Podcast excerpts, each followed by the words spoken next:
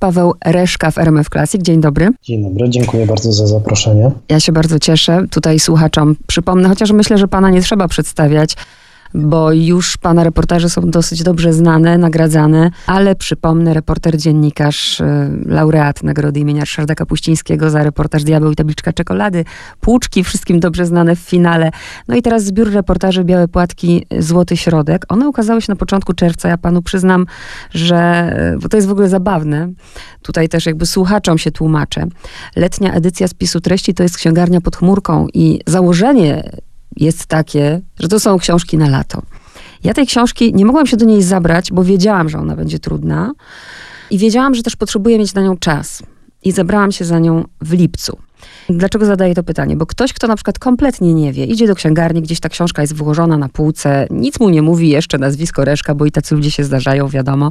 Popatrzy sobie na okładkę tej książki i pomyśli, białe płatki, złoty środek, jaka cudowna okładka, jakieś może letnie, wspaniałe opowiadania. Chcę zapytać o historię tej okładki najpierw. No ta historia jest taka, jak pani wspomniała, to znaczy jest to po prostu bardzo, bardzo ładny projekt okładki Uli Pongowskiej, a jest troszeczkę dosłowna, bo faktycznie na okładce są białe płatki Złoty Środek jest takim też e, odrobinę kontrapunktem dla tego, co jest w środku. Czyli taki był zabieg, żeby też, e, chciałam powiedzieć widza, żeby też czytelnika zaszokować od razu na starcie. Tak, ale jest w tym coś więcej, bo to jest książka, której, której punktem odniesienia jest rodzina. Mhm. Właściwie w Polsce wszystko się zaczyna i kończy na rodzinie, można takie wrażenie odnieść, jak słucha się na przykład wypowiedzi polityków. I też ta nasza polska rodzina ma to do siebie, że często ona wygląda ładnie, na zewnątrz. Natomiast y, w środku często jest tak, że mamy do czynienia z rodziną, która nie wspiera, raczej jest czymś w rodzaju pułapki.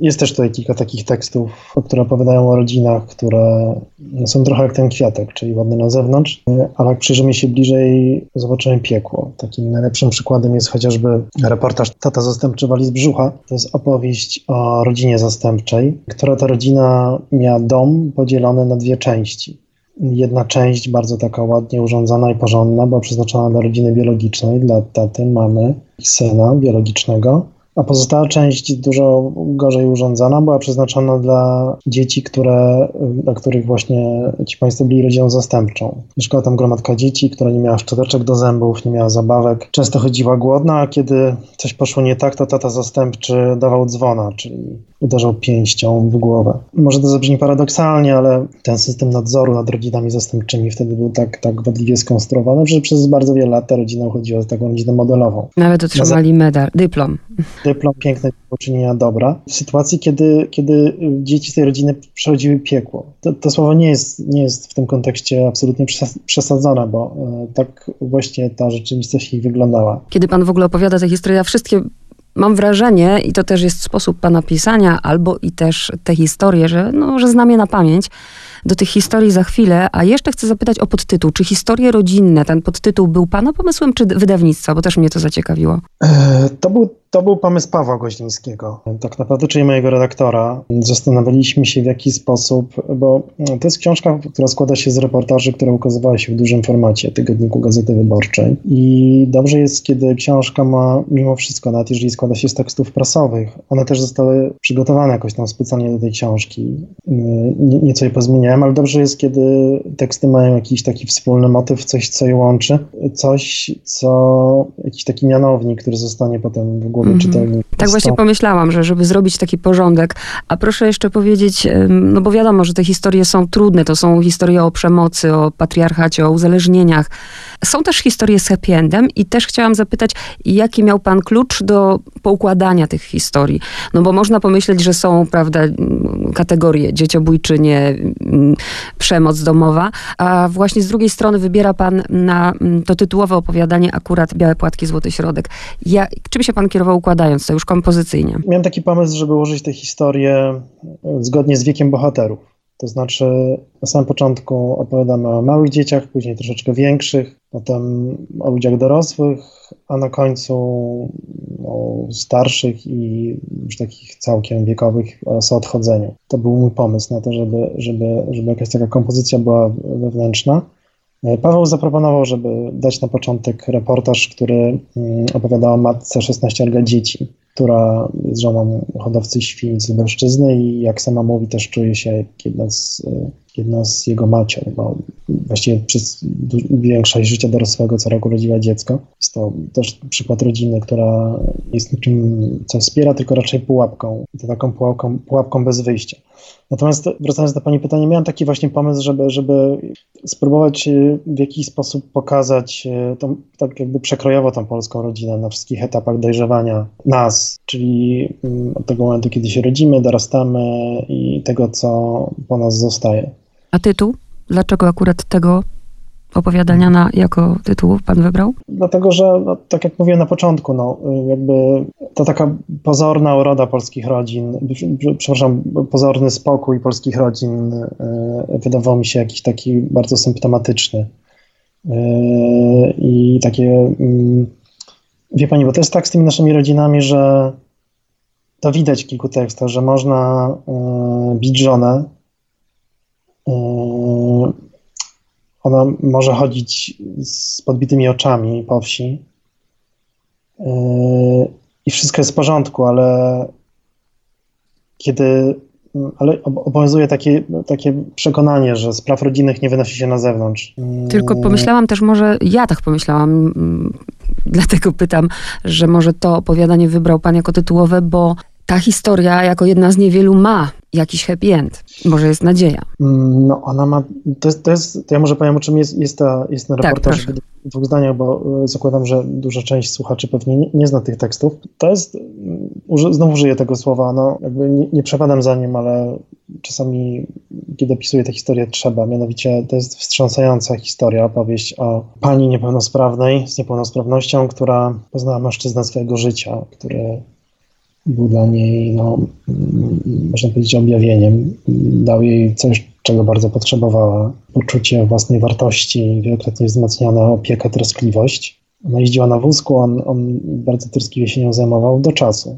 Ten okres miodowy skończył się bardzo szybko, a potem wyszła z niego bestia i ona funkcjonowała w tym takim patologicznym związku przez wiele lat, który skończył się tak, że została brutalnie e, zgwałcona przez, e, przez właśnie swojego partnera i pomagał jej przy tym syn, jego syn. Była, była wtedy w ciąży i zawiadomiła policję, on, mm, odbyła się sprawa, on poszedł siedzieć. E, I ten happy end, o którym pani wspomniała, polega na tym, że ona po prostu uwolniła się od niego Natomiast y, to wszystko, co przeżyła, wciąż w niej jest i będzie do końca życia. Więc ja, ja bym nie powiedział, że to jest historia z happy endem. To jest. Y, bo... Znaczy na pewno, jak zestawię to z momentem, w którym nie zdążono pomóc, prawda, że mm, innej kobiecie bitej. Co robimy przez, co, co rozumiemy przez happy end? Ona. Happy end polega na tym, że ona po prostu zdoła, zdołała przeżyć. To co, to, co wydawało mi się takie niesłychanie poruszające w jej opowieści, to, to, to, że ona urodziła dziecko i nadała mu tak. imię tego, tego mężczyzny, z którym była. Ponieważ paradoksalnie miała z nim też... Y, no, miała dobre nim, wspomnienia. Tak, dobre wspomnienia i jedyne, jedyne dobre wspomnienia, jakie miała w życiu. Sposób, w jaki ona o tym opowiadała, w jaki, argumentowa, w jaki to argumentowała, y, w jaki sposób w ogóle udało się poskładać po czymś tak niewyobrażalnym wydało mi się no, czymś takim też e, no, bardzo godnym uwagi, szacunku. Ta historia ma jakiś taki właśnie, e, ona jest oczywiście skrajna, ale ma jakiś taki walor uniwersalny też. Dotyczy, no, w, w Polsce według danych Rzecznika Praw Obywatelskich z 2019 roku mamy 280 tysięcy osób dotkniętych przemocą domową. Jak wiemy, są to te dane, to oficjalne, to niewielka część faktycznych ofiar przemocy domowej, ale ten schemat w jakimś tam sensie jest podobny, prawda? Czy czyli wychodzimy z piekła, ale ono dalej tam mm -hmm. gdzieś mhm. nas... Powiem panu więcej, że jak skończyłam tę historię, to poczułam niebywały lęk. Nie wiem dlaczego. Znaczy wiem dlaczego i bardzo jestem ciekawa tej historii dalej, bo to się kończy mój kochany Krzyś i zaczęłam myśleć o nie tyle nawet o genach, ale o niesieniu traum, o powtarzalności tej historii i nie wiem, bardzo się przestraszyłam, że ten mały Krzyś, kochany Krzyś, żeby no nie powtórzył historii swojego ojca. Mam nadzieję, że tak się nie stanie. Ja, ja myślę, myślę, że ja jestem w kontakcie dosyć dobrym z bohaterką tego reportażu. Rozmawiamy czasem i myślę, że nie zdradza tu żadnej tajemnicy, że ona, no, że jej życie naprawdę teraz jest y, diametralnie inne. Ma męża. Jest bardzo, bardzo daleka od tej całej historii. Miejmy nadzieję, no, że, że tak się nie stanie. Nie, nie ma takiego powodu. Cudowne wiadomości. A teraz pytanie z grubej rury. Wiem, że trudne, ale mm, ciekawi mnie to.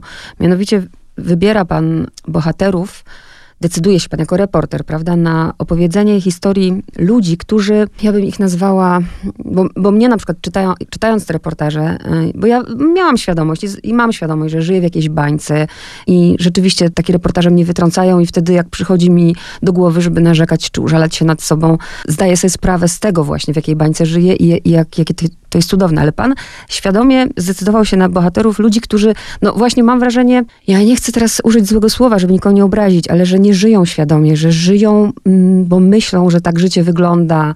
To są bohaterowie, którzy nie pójdą sami z siebie do terapeuty. Dlaczego tacy bohaterowie pana interesują? Mm, to znaczy, po pierwsze, wybieram mm, tematy, które mnie poruszają. Faktem jest, że często są to osoby w takiej sytuacji granicznej. A po drugie, to y, ma pani oczywiście rację, że, że często opisuje jakąś taką bezradność, ale też w tym zbiorze są osoby, które są w sytuacji życiowej, która no, nie, nie pozostawia im innego wyboru niż trwanie. I nie mówię akurat o przemocy domowej, bo jest na przykład opowieść Operacja Syn, ta, właśnie o niej pomyślałam.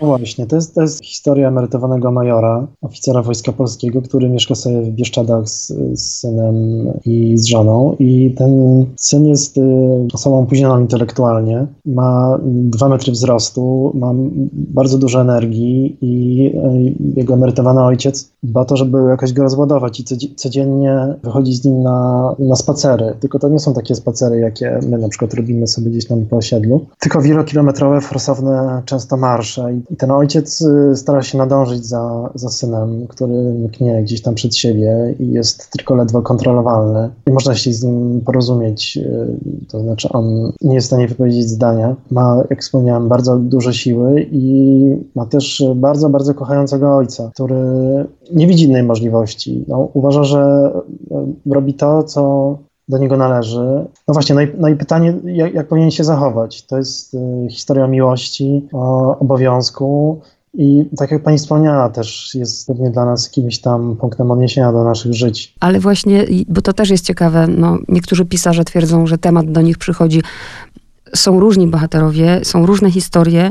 Weźmy właśnie y, tę historię Operacja Syn jak pan trafia do nich? No, z tym tematem było tak, że ja pojechałem w Bieszczady kilka lat temu pisać reportaż o rodzicach dzieci. Dostałem polecenie z redakcji dużego formatu, żeby napisać reportaż o rodzicach dzieci z niepełnosprawnościami, jak sobie radzą. Uznałem, że dobrym pretekstem byłoby pokazanie rodzin, które e, są pozbawione tych wszystkich udogodnień, które daje nam duże miasto. Pojechałem w Bieszczady i, i opowiedziano mi w ustrzykach właśnie o, o majorze i jego synu i wtedy ta historia zrobiła na mnie gigantyczne wrażenie. Ja za jakiś czas postanowiłem wrócić, żeby zobaczyć, jak, jak sobie radzą, jak sobie radzi y, major. I najbardziej przygnębiające jest to, że oni jakby funkcjonują w małym mieście. Mówię, mówię o sytuacji sprzed kilku miesięcy, kiedy ten tekst się ukazał, być może coś się zmieniło. Y, codziennie syn przemierza uliczki tego miasta, biegnie za nim ojciec, y, który jest coraz słabszy i właściwie urzędnicy przyglądają się temu bezradnie. Przynajmniej teraz, jak, ta, jak książka się ukazała i ten reportaż jest w zbiorze, być może coś się zmieni. Ale chciałem powiedzieć taką rzecz, że to jest, to jest właśnie bohaterstwo. Ja myślę o, o rodzinie tego chłopca z takim z wielkim szacunkiem, podziwem. Nie potrafię sobie odpowiedzieć na pytanie, jak ja bym się zachowała na tym miejscu, na, na, na ich miejscu. Tak, to samo pytanie sobie zadałam właśnie. Ale też jak pan powiedział, że to e, historia jest o rodzinie, to ja też pomyślałam właśnie, bo to już któryś raz pada to słowo, że jest to historia o bezradności i to bezradności z różnych punktów widzenia. Bezradności nawet systemu, bezradności rodzica, bezradności kobiety, która jest y, bita, bezradności sąsiadów, bo tu nic nie jest czarno-białe. E, jedna z sąsiadek się wypowiada, tutaj mam na myśli historię z Elizą, o której za chwilę powiemy, że to nie jest tak, że ci ludzie nie mają pomocy. Czasem ta pomoc jest, a i tak się nie da pomóc. Tak, chociaż y, tak, może powiem dwa zdania wprowadzenia. Mhm. E, Kaliza to jest opowieść o kilkuletnim dziecku, które zostało zagłodzone przez rodziców w jednym z dużych miast w Polsce. Rodzice, którzy patrząc z boku funkcjonowali w miarę, to znaczy nie była to rodzina z takim z wyraźnym problemem alkoholowym. Taka rodzina, w której matka się zatacza, ojciec też i, i jest to wyraźny sygnał dla służb, że coś z tym trzeba zrobić. I tak jak pani wspomniała, to też nie jest historia czarno-biała, to znaczy państwo mieszkali w bloku przez pewien czas, wynajmowali sobie tam mieszkanie i e, sąsiadów zastanowiło to, dlaczego nie widzą dzieci tych państwa. Oni nigdy nie wychodzili z nimi na spacer, nie widywano ich na placu zabaw. I sąsiedzi postanowili interweniować. Najpierw to była to chęć pomocy, to znaczy e, pukali, przynosili jedzenie, oferowali pożyczkę, bo z, z tej pary tylko pani pracowała. A kiedy nie, nie było jakiegoś, jakiejś realnej odpowiedzi, no to, to zawiadomili pomoc społeczną i tej samej nocy bohaterowie tego tekstu z dwojgiem dzieci uciekli, wyprowadzili się i wtedy jakby e, opieka społeczna straciła ich z oczu. To oczywiście można by ten temat zamknąć, jeżeli kiedy słyszymy w mediach, że znaleziono dziecko, które zostało zagłodzone, to sobie myślimy, mój Boże, jaka znieczulica panuje. A tymczasem ta sytuacja pokazuje, że, że tak nie jest, że czasem jest chęć pomocy i że nie jest z nami tak źle. Sąsiedzi widzą, reagują, chcą, chcą coś zrobić, a tymczasem się to nie udaje. No tutaj akurat w tym konkretnym przypadku, no to nie ulega wątpliwości, że pomoc społeczna troszeczkę pokryła sprawę. Nie potraktowano tego zgłoszenia tak, jak należało to zrobić. Też przyznam, że jest to jedna z najbardziej drastycznych spraw, jakie opisywałem w ciągu kilkunastu lat pracy w mediach. Bo trudno sobie wyobrazić, by w dużym mieście od tak dziecko po prostu umierało z głodu. To jest rzecz nie, niewyobrażalna wręcz. A jeszcze takie pytanie, po co reporter, po co pan, po co um, Paweł Ryszka pisze reportaż, bo pan jakby wspomniał też o tym, że daną sytuację może ktoś zauważy, może coś zmieni, chociażby o tej, y, tutaj, o tym majorze. Czy właśnie po to między innymi pisze pan reportaże, żeby, żeby coś zmieniać? Oczywiście zależy, bo e, każdy temat jest inny i e, ja jako czytelnik reportaży, bo to jest też gatunek, który, który czytam, czytam teksty po to, żeby zrozumieć. Też z tego powodu je piszę. Reportaż zbliża ludzi, powoduje, że na przykład wiele, wiele lat temu, 20 lat temu czytałem tekst w Gazecie Wyborczej, który opowiadał o losie kasjerek w Tesco była tam pani Jadzia, lat 40, która przez 10 godzin tkwiła w tej kasie i, i nie była w stanie nawet pójść do toalety. Kiedy poszedłem do sklepu potem, no to już na te kasjerki patrzyłem inaczej. Minęło wiele lat, a ona gdzieś tam siedzi mi w głowie, więc mm -hmm. może jest tą osobą. Więc w, te, w, tym sensie reportaż powoduje, że jesteśmy sobie bliżsi. Natomiast ten wymiar interwencyjny, on oczywiście jest. I wspomnieliśmy o, o reportażu Białopatki Złoty Środek, czyli opowieści o, o pani, która została bardzo skrzywdzona przez partnera i jest osobą z niepełnosprawnością. I kiedy ja z nią rozmawiałem, ona wtedy była w takim ośrodku prywatnym opieki społecznej pod Lublinem, ale to, to nie był taki ośrodek prywatny, jaki sobie wyobrażamy, słysząc to hasło, ponieważ był to, ponieważ w jej pokoju biegały karoluchy i i, ten, cały ten ośrodek obraz nędzy i rozpaczy. I pamiętam, że siedziałem naprzeciwko niej, ona siedziała na wózku i ten wózek co jakiś czas się przechylał w lewą stronę. I ona co pewien czas tak, tak jakby starała się podskoczyć na tym wózku. Coś tam poprawiała przy kole. I kiedy zapytałem, co robi, ona powiedziała, że ten wózek jest uszkodzony, ale ona ma taki widelec tutaj właśnie, którym sobie taki widelec kuchenny, który tam wkłada gdzieś tam w okolice koła i stabilizuje ten, ten wózek. Kiedy ten tekst ukazał się w Gazecie Wyborczej, zrobiłem taki dopisek, w którym poprosiłem czytelników e, o to, jeżeli ktoś dysponuje wózkiem, no to byłoby wspaniale, wolnym wózkiem inwalidzkim, byłoby wspaniale, gdyby zechciał się im podzielić właśnie z bohaterką tego reportażu. Po dwóch dniach e, pani miała już do dyspozycji trzy wózki, po tygodniu mm, około 15. Za dwa tygodnie zgłosiły się też władze Lublina, e, bo ta historia miejsce w okolicy które zaproponowały Pani przeniesienie z tego para ośrodka pomocy do specjalnego, bardzo dobrze wyposażonego mieszkania dla ofiar przemocy. Więc no, ta historia miała faktycznie, no, co, co, coś, dobrego się, coś dobrego się zdarzyło po publikacji tego tekstu i ten tekst oprócz tego, że opowiada jakąś tam historię, no to też miał wymiar interwencyjny, co jest też y, jakoś tam w pewnym sensie funkcją prasy i też y, to, że się udało, było to dla mnie źródłem wielkiej, wielkiej satysfakcji i dumy. Ma pan rację, że te historie się wżerają, chociaż my ludzie mamy też to do siebie, że no, pojawiają się nowe historie, szybko zapominamy, ale powiedział pan o tym właśnie, że żeby zrozumieć i kiedyś bardzo łatwo oceniałam, bo pana książce tym bardziej na przykład chciałam zapytać, kogo pan widzi, bo może nie widzę dzieciobójczyni, tylko widzę dziewczynę, która nie dość, że żyje w przekonaniach, nie wiem, sprzed stu lat i w dodatku nie ma znikąd pomocy i, i, i, słyszy, że jak urodzi, to, to dostanie za swoje, bo to jest jej sprawa.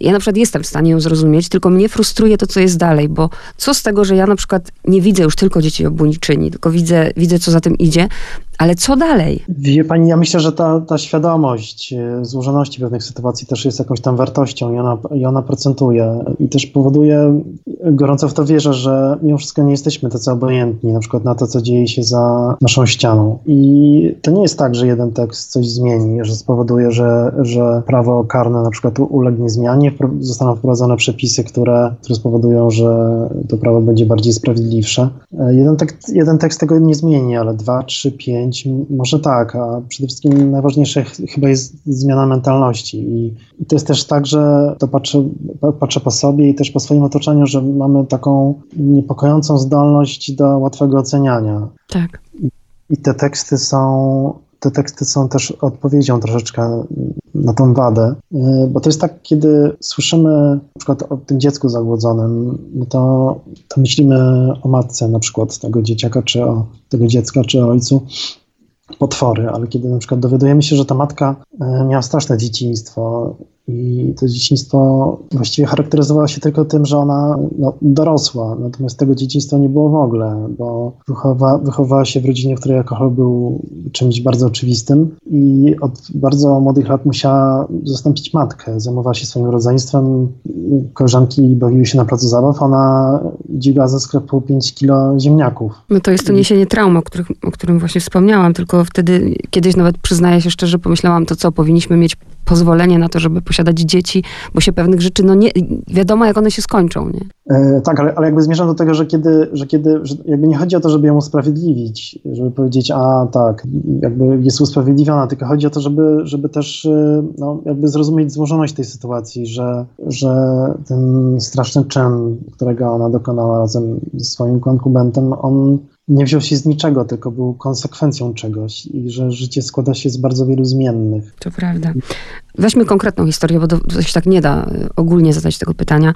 Nie wiem, weźmy historię, w której chłopak gra w gry komputerowe, a dziewczyna rodzi w łazience. Jak to mówią, żeby brudy prać w swoich czterech ścianach. Jak panu się to w ogóle udaje? Bo przecież nikt nie chce, żeby takie historie wyszły na światło dzienne. Nikt nie chce o nich opowiadać.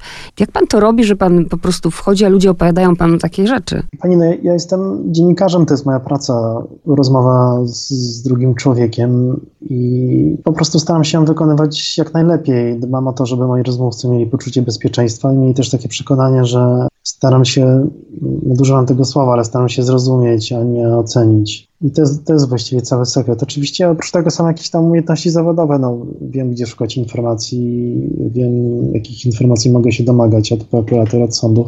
Ale nie ma tu jakiegoś magicznego sekretu. Nie oszałamiam swoich rozmówców, nie obiecuję im niczego. No, tylko to, że i tu kolejny raz użyję tego słowa, że, że staram się zrozumieć. Wie pan, myślałam, jaki jest sekret, bo wyobrażam sobie sytuację, w której puka pan do drzwi i mówi: Dzień dobry, jestem Paweł Piotr Rzeszka, jestem reporterem i tak dalej. I wyobrażam sobie sytuację, w której ktoś pana przegania.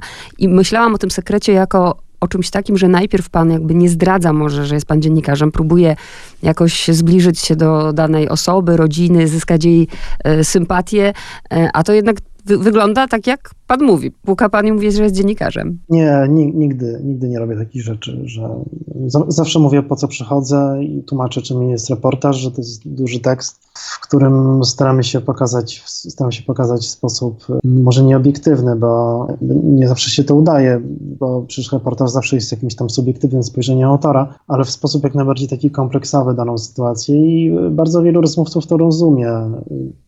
Żyjemy w świecie szybkich newsów, włączamy internet, te newsy nas zalewają, portale, które walczą, walczą o, o kliki, podbijają tą stawkę taką tych naszych przeżyć i wstrząsających newsów. I wydaje mi się też, że wiele osób ma świadomość pewnej iluzji informacyjnej, w której żyjemy. I potrzebuje też e, takiego, potrzebuje, żeby zwolnić, zastanowić się, Dotyczy to zarówno rozmówców, y, reporterów, jak i, jak i czytelników. Też mam, mam też wrażenie, że czasem taka szczera rozmowa z reporterem, rozmowa, w której nie ma kamery, nie świecimy światłem w oczy, kładamy mikrofonu pod nos, tylko cierpliwie słuchamy, że taka rozmowa jest potrzebna też mm.